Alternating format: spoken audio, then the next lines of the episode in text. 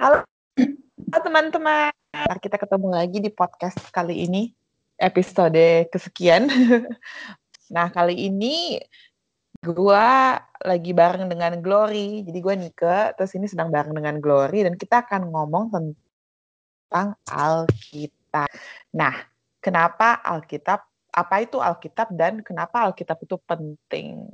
Nah, sebelumnya nih, makanya gue mau kenalin dulu nih, Glory ini salah satu penulis di Pearl. Udah berapa lama gue lu nulis di Pearl? Uh, udah udah bertahun-tahun lah pokoknya. Bertahun-tahun ya? Widih. Iya. Kita udah 8 tahun. Berarti lu dari tahun pertama kah? enggak, enggak, enggak. Ya setengah jalan mungkin lah.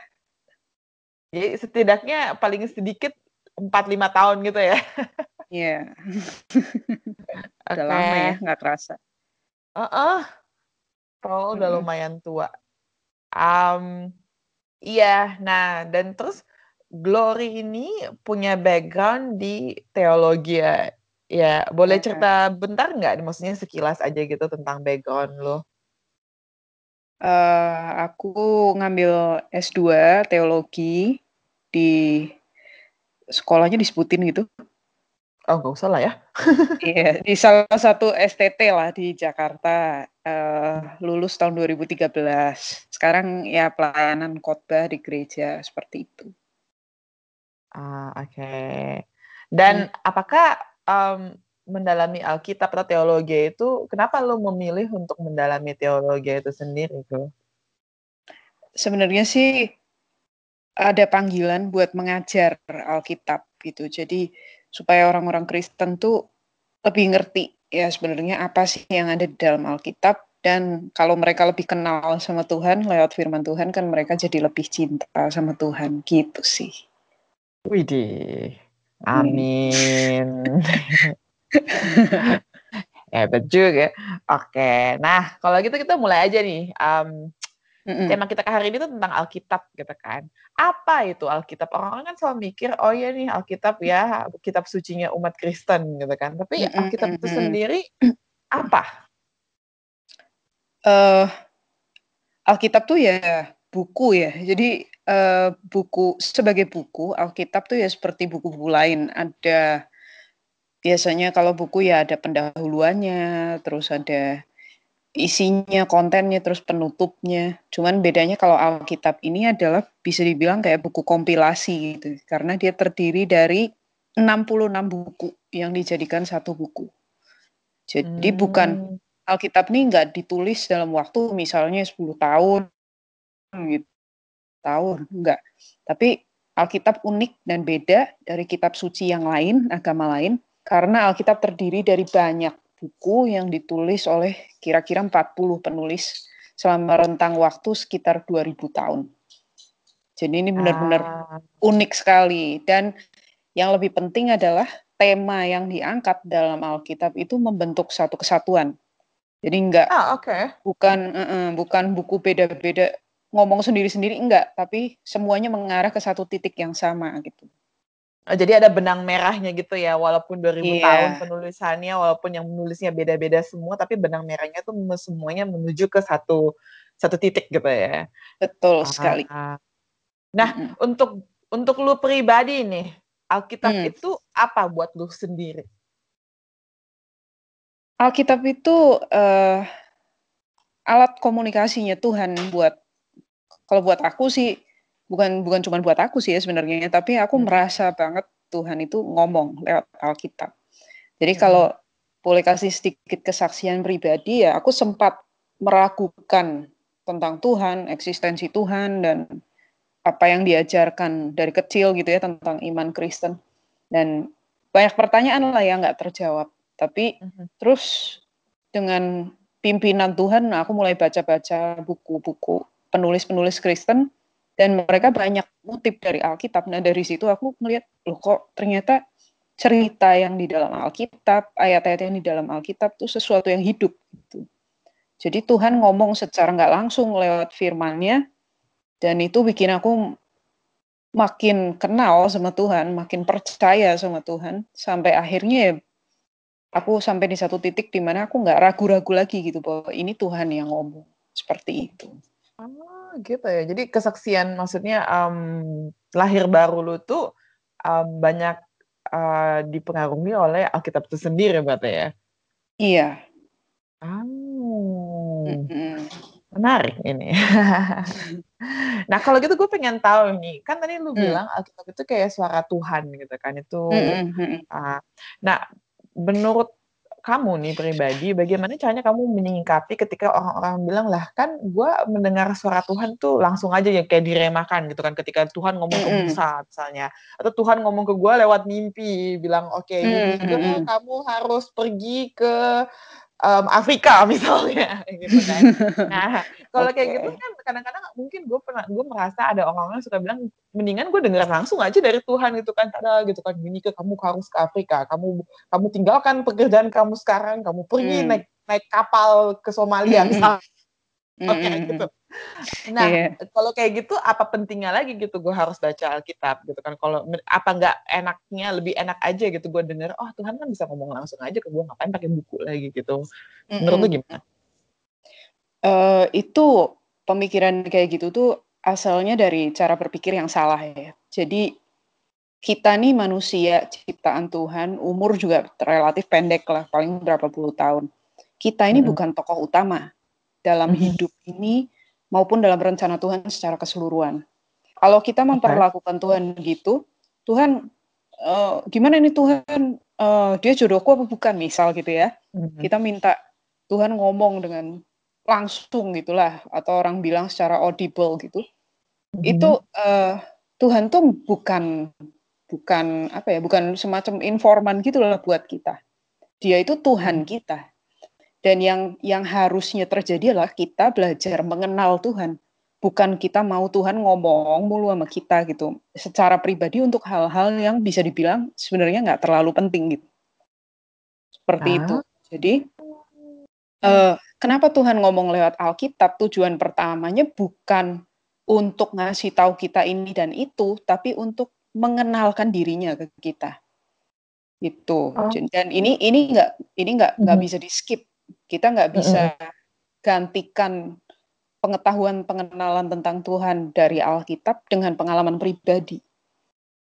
Justru yang terjadi pengalaman kita mesti diukur dari Alkitab. Misal nih, misal eh Mhm. eh, gue ngerasa seks dengan pacar itu it's very loving gitu misalnya ya. Mhm. Tapi apa yang apa yang dibilang Alkitab tentang itu? Itu mungkin bisa pakai pembelaan kan orang Kristen harus saling mengasihi gitu. Tapi Iya. Alkitab menjelaskan bahwa kasih yang Tuhan mau itu kasih yang di dalam kekudusan. Mhm. Gitu. Jadi pengalaman kita nggak bisa dijadikan tolak ukur, perasaan kita nggak bisa dijadikan tolak ukur. Harus ada satu tolak ukur yang pasti yang nggak berubah-ubah dan itu adalah firman Tuhan. Ah, begitu. Jadi Alkitab itu fungsinya adalah sebagai tolak ukur secara tidak langsung. Ya, salah satunya itu. Ah, memang fungsi-fungsi lain Alkitab itu sendiri apa lo menurut lo? Fungsi utamanya Alkitab itu membawa kita pada pengenalan akan Tuhan. Jadi Mhm. eh, manusia itu dari dulu kan berusaha ngerti Iya. Tuhan itu seperti apa gitu ya. Iya, Tapi iya, iya.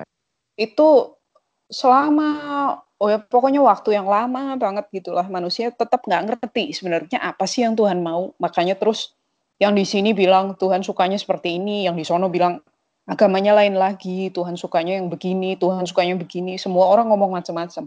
Harusnya Tuhan yang ngomong sendiri. Ini loh aku. Ini loh yang aku inginkan gitu. Dan Tuhan ngomong lewat Alkitab. Jadi Hmm. yang paling penting dari Alkitab adalah kita bisa kenal Tuhan lewat Alkitab gitu. Fungsi-fungsi yang lain itu sekunder. Karena Mhm. kalau kita nggak kenal Tuhan, kita nggak bakal diselamatkan. Oke. Ya, jadi kalau kita kenal Tuhan, dalam Alkitab ada Yohanes 17 ayat 3, inilah hidup kekal itu, yaitu bahwa mereka mengenal engkau, satu-satunya Allah yang hidup, dan mengenal Yesus Kristus yang kau utus. Jadi kalau nggak kenal Tuhan, berarti nggak punya hidup kekal. Mhm. Dan hidup dan pengenalan Hmm. akan Tuhan itu kita dapat dari Alkitab gitu. Hmm, oke, oke, oke. Nah, kalau kayak gitu nih, banyak juga yang bilang gitu kan, Alkitab itu bukannya bukunya udah tua gitu kan ya, kan ditulisnya beberapa ribu tahun yang lalu gitu kan. Nah, Mhm. baga apakah bu sebuah buku yang tua itu kan zaman kan berubah terus ini kan, bagaimana caranya kita bisa Iya. melihat bahwa apakah satu, Alkitab itu karena dia udah tua, zaman udah berubah, apakah dia masih Mhm. relevan dengan kehidupan kita yang sekarang gitu? Mmm, Mhm. ataukah justru karena itu, itu udah nggak relevan lagi? Hmm. Sebenarnya kalau dibilang ini buku tua, basi gitu ya, 2000 tahun yang lalu, udah lama, eee, Mhm.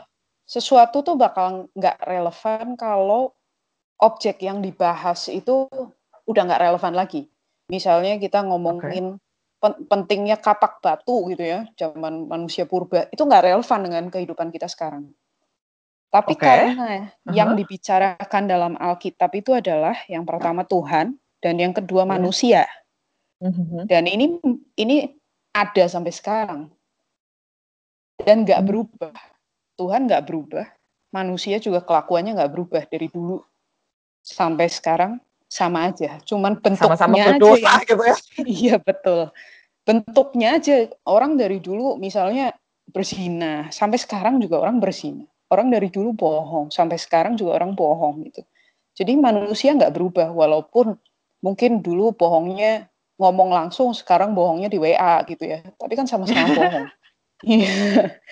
Prinsipnya Nah, masih sama gitu ya. iya, karena objeknya nggak berubah, jadi Alkitab sama sekali nggak out of date, dia tetap relevan. Ah, gitu toh. Berarti dengan seca secara tidak langsung relevansi yang mungkin masih kita lihat adalah walaupun, eee eee, zaman udah berubah atau gimana, tapi masih banyak ba maksudnya, mmm, manusia masih, eee, mempunyai suatu kesamaan yang walaupun udah lama walaupun zaman udah berubah, yaitu banyak orang yang masih mencari arti hidup misalnya, Mhm ya kan. mhm. Atau banyak orang yang masih mencari jati dirinya sendiri dan hal-hal Iya, betul. tersebut ini apakah bisa kita dapatkan lewat Alkitab begitu? Ah, jawabannya adalah iya. Iya, jawabannya iya. iya. Iya, Bagaimana soalnya caranya? itu heeh, gimana caranya menemukan itu dalam Alkitab? Heeh. Iya, eee, Alkitab tuh Harus kalau menurut dibaca. saya sih iya harus dibaca. Selain itu ya saya eee, apa ya, menurut menurut saya sih Alkitab tuh dibuka dengan keren sekali gitu ya. Manusia tuh kan selalu mikir, "I am the center of the universe," gitu. Yang penting tuh pemikiran gua, perasaan gua, keluarga gua, dan seterusnya gitu. Semua yang berhubungan dengan diri kita sendiri. Tapi Alkitab tuh dimulai dengan, "Pada mulanya Allah."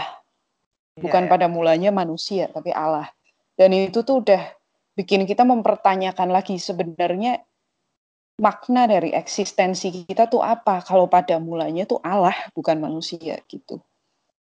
Dan Oh, kalaupun kita oke. nggak nggak mikir sampai ke situ gitu ya, kalau kita baca cerita-cerita dalam Alkitab, kita baca tulisan-tulisan orang dalam Alkitab, itu bikin hati kita tuh jadi berpusat ke Tuhan.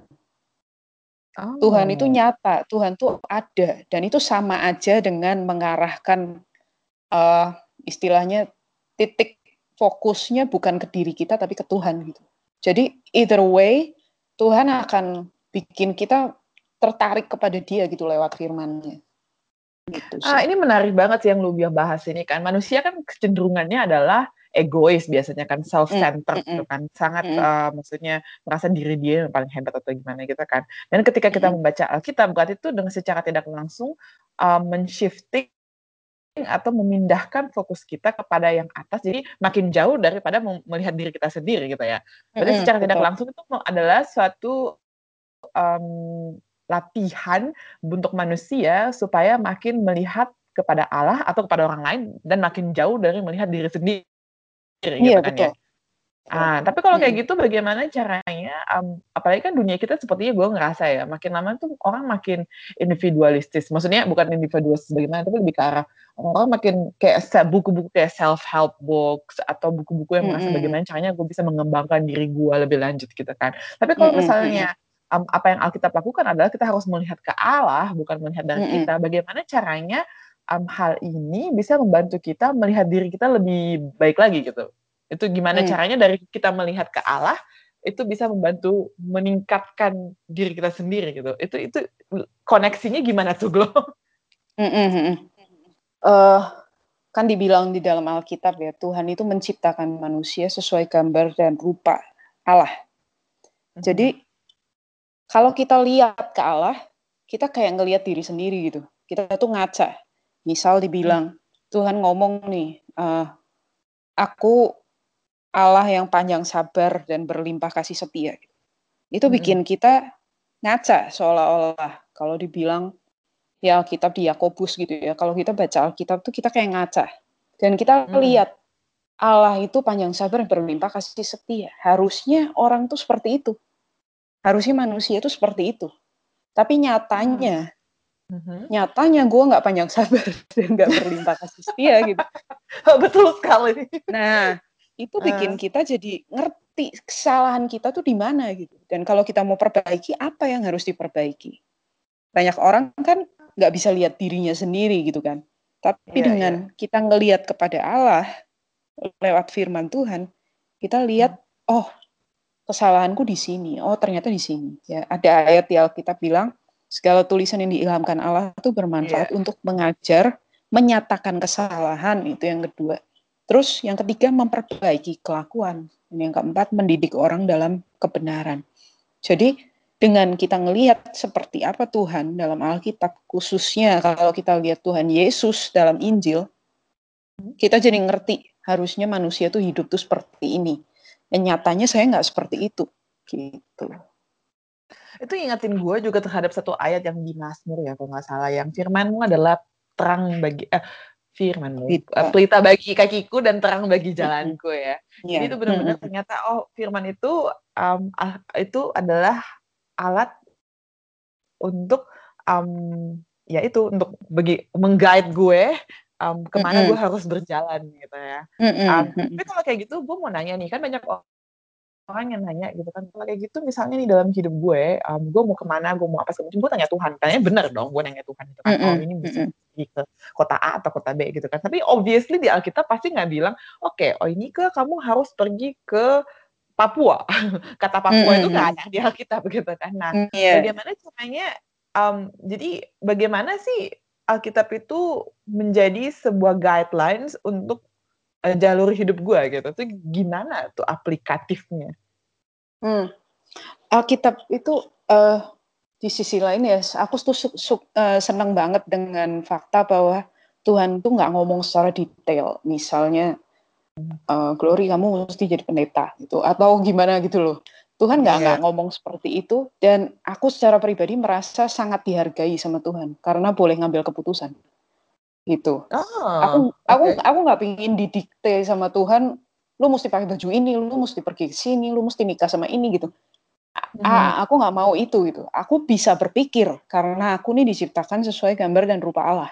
Aku bisa mempertimbangkan baik buruknya satu keputusan. Yang paling mm -hmm. penting itu uh, gini, banyak orang tuh mikir gini, aduh kalau gue nanti udah pilih dia ternyata salah gitu ya. Mm -hmm. Tuhan ternyata pilihin orang lain gitu. Dan gue nggak ngerti udah ngambil keputusan yang salah. Kita nggak perlu takut hal-hal seperti itu terjadi. Karena kita percaya bahwa Tuhan itu memimpin langkah hidup kita. Nggak ada yang salah gitu. Ini bukan masalah benar atau salah. Apa pun yang terjadi sama kita, apa pun keputusan yang kita ambil, itu semua akan sejalan sama rencana Tuhan. Karena rencana Tuhan kan nggak mungkin gagal. Gitu. Nah sekarang yang paling penting adalah cara berpikir kita itu loh yang di, dituju sama Alkitab gitu. Jadi kayak firman. Tuhan bilang, jangan kamu menjadi serupa dengan dunia ini, tapi berubahlah oleh pembaruan budimu. Cara berpikirnya berubah. Kalau dulu mungkin kita mau uh, misalnya menyenangkan diri sendiri gitu. Uh, uh, menyenangkan diri sendiri. Lu mesti jadi hamba Tuhan misionaris ke Papua. Kita pasti mikirnya, ide malas banget gitu ya. Mau yeah. ninggalin semua yang sudah sudah ada di sini yang udah mapan gitu terus mesti mulai hmm. dari nol di tempat yang kita nggak tahu yang kayaknya nggak nyaman seperti itu. Uh. Tapi kalau orang yang cara berpikirnya udah diubah lewat firman Tuhan, dia bakal mikir kalau ini memuliakan Tuhan dan kalau ini kehendak Tuhan, gue mau. Gitu. Jadi udah udah beda cara pikirnya. Nah, cara berpikir itulah yang paling penting. Setelah itu kalau kita ngambil keputusan dengan cara berpikir yang sudah diubah oleh Tuhan, jadi Iya. pergi atau nggak jadi pergi ke Papua, itu nggak jadi masalah. Bukan itu masalahnya. Gitu. Ah, masalahnya nanti lebih ke arah taatkah saya terhadap, eee, apa panggilan Tuhan atau enggak gitu ya, masih ada Iya. hal-hal yang lainnya gitu ya. Iya. Ah, oke oke. Mhm. Mmm, menarik nih menarik nih, Nah, boleh lu share lagi nggak? Maksudnya gimana mungkin ada contoh lain ketika Alkitab itu, mmm, firman Tuhan itu sangat membantu dalam kehidupan pribadimu gitu kan. Karena kalau gue ngerasa ya ketika gue banyak berbicara dengan teman-teman gue yang lain gitu kan, eee, apa Mhm. pentingnya membaca Alkitab di dalam hidup mereka, itu kayaknya mereka agak kesusahan untuk melihat, mmm, bagaimana dari membaca Alkitab itu bisa membantu langsung relevansinya di dalam kehidupan mereka pribadi. Jadi kayak seolah-olah, mmm, dari membaca Alkitab sampai mem something happen di dalam kehidupannya mereka, itu link-nya itu agak agak entah putus atau entah kejauhan, jadi makanya orang nggak terlalu ngerti gitu. Nah, boleh lu ngasih contoh lagi nggak mungkin dari kehidupan pribadi lu gitu, gimana bagaimana firman Tuhan secara konkret, mmm, menolong? Mhm. Mungkin, eee firman Tuhan itu gimana ya, ya kayak yang tadi aku bilang ya, yang pertama dia ngubah cara berpikir kita gitu. Mhm. Jadi apa yang tadinya berharga buat kita, apa yang tadinya penting buat kita itu bisa berubah kalau kita pikiran kita diisi sama firman Tuhan gitu. Selain itu juga waktu, eee, ngadepin situasi yang real dalam hidup sehari-hari, kita Mhm. bisa Tuhan itu bisa ingetin gitu kita akan firman-Nya. Oh iya ya waktu itu gue pernah baca yang seperti ini gitu. Mungkin waktu itu nggak ngerti, tapi sekarang baru ngerti waktu ngalamin gitu. Jadi firman Tuhan juga bekerja dalam hal seperti itu. Misalnya Ah. selama ini kita nggak kita nggak, eee, kita mikirnya kita baik-baik aja, kita sabar-sabar aja gitu, kita cukup lemah lembut. Tapi ternyata waktu benar-benar datang masalah yang ngetes kita gitu, kita Iya. baru di ditantang, ada challenge Mhm. gitu untuk sebenarnya seberapa sabar sih lu gitu. Seberapa maunya sih kamu tuh menyangkal diri untuk melakukan apa yang benar di mata Tuhan gitu. Dan terus, mmm hal-hal kayak gitu kali ya. Mungkin kalau yang kalau Mungkin ini kali ya, heeh? kayak kalau misalnya di maksudnya di Alkitab sendiri bilang kan, mmm, senjata-senjata Allah, maksudnya kehidupan kita ini kan adalah peperangan rohani. Kita harus mempunyai Mhm mhm. senjata-senjata untuk melindungi diri kita dan salah satu senjatanya adalah pedang firman Tuhan itu, pedang ya pedang ya Mhm, kalau salah ya. betul. Pedang, iya betul. nah pedang itu sendiri dan maksudnya ketika Kristus sendiri dicobai di padang gurun oleh Mhm. si iblis itu, mmm, dia melawan si iblis itu dengan firman Tuhan itu sendiri yang kalau kita cek-cek Mhm. gitu kan, firman Tuhan itu muncul di Bilangan, kitab Bilangan ya kalau nggak salah atau kitab Ulangan gitu kan. Ya gimana Mhm mhm. caranya firman Tuhan dari kitab Ulangan dan Bilangan yang isinya banyak hukum-hukum, Tuhan Yesus sendiri Mhm. memakai itu untuk melawan omongan si iblis. Maksudnya, mmm, Mhm. omongan-omongan boh kebohongan-kebohongan iblis gitu. Nah, bagaimana caranya kita bisa mengambil contoh Kristus ini dan aplikatifnya di dalam kehidupan kita sehari-hari dengan Alkitab. Menurut lu gimana tuh, Go? Mmm. Sebenarnya sih waktu kita banyak orang Kristen tuh kalau baca Alkitab, asal kayak asal menuin kuota aja, "Oh hari ini gue udah baca Alkitab," gitu, yang penting seperti Centang. itu. Aplikasinya gitu kan ya, kalau hari ini udah baca kitab, Iya, yeay. pokoknya udah to do list-nya dicoret satu, gue udah baca Alkitab gitu. Tapi sebenarnya kalau kita mau dapat sesuatu yang lebih dari Alkitab, kita musti belajar dan ini yang banyak orang miss gitu. Kita musti Mhm. belajar, eee, Daud kan ngomong ya, "Berbahagialah orang yang kesukaannya ialah Taurat Tuhan dan melaku merenungkannya siang dan malam." Iya iya. Direnungkan gitu. Jadi bukan cuma dibaca, udah, tapi direnungkan. Direnungkan tuh berarti kita baca dengan teliti gitu ya, semakin banyak pertanyaan sebenarnya semakin baik sih, cuman itu mungkin bisa dibahas lain kali. Terus Terus dari dipikirin, situ terus iya, kita dilihat-lihatin, ditanya-tanyain ke diri sendiri gitu ya. mhm, betul. Ini maksudnya apa? Tuhan ngomong seperti ini maksudnya apa? Dan terus aplikasinya apa dalam hidup saya? Kita harus tutup dengan, "Terus gue harus gimana?" Gitu. Kayak gitu. Jadi kalau kita nggak sampai ke titik itu, kita nggak dapat manfaat dari firman Tuhan. Ya mungkin dapat, tapi lambat sekali gitu dibandingin sama hmm. orang yang uh, mau usaha ekstra untuk dapat sesuatu dari firman Tuhan.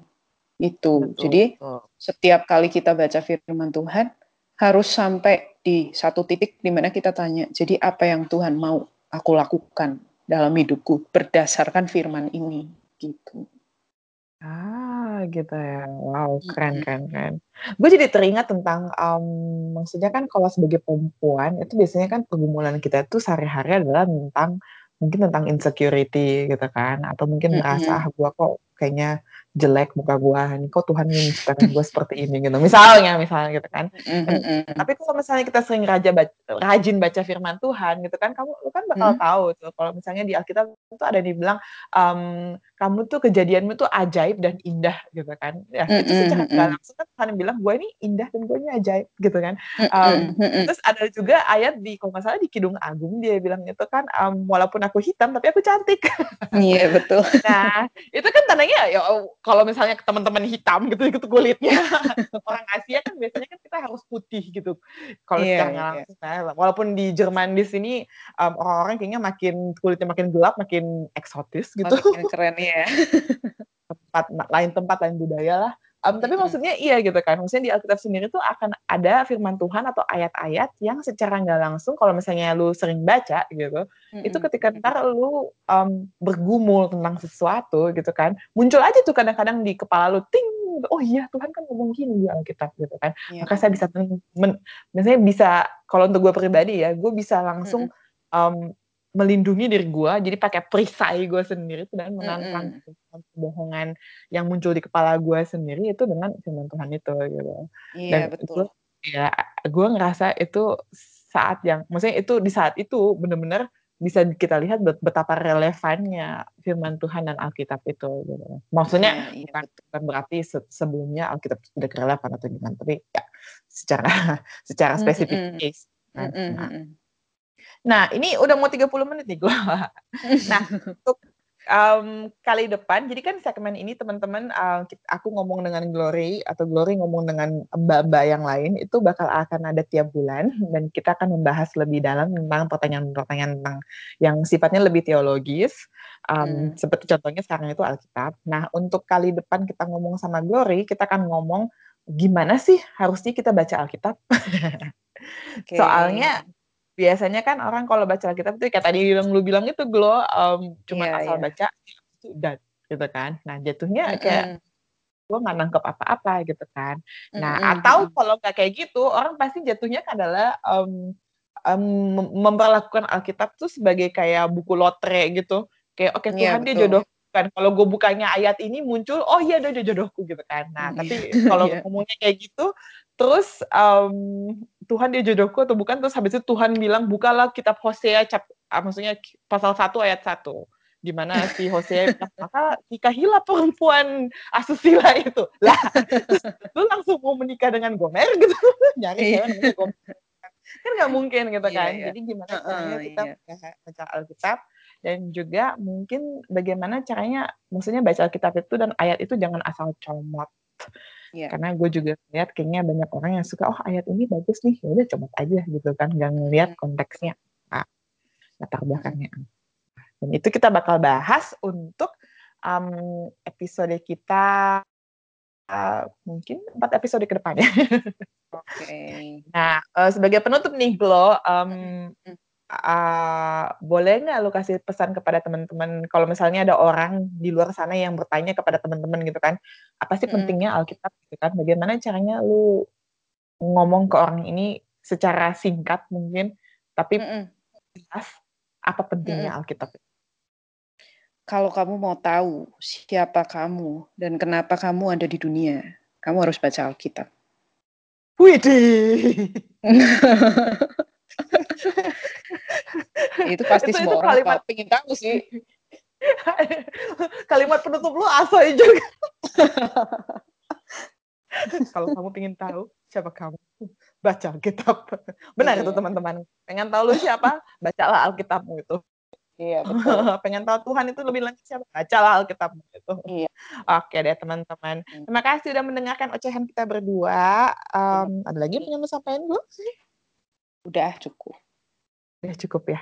Oke deh, hmm. kalau gitu um, see you teman-teman Perlians di episode kita selanjutnya. Bye. Bye.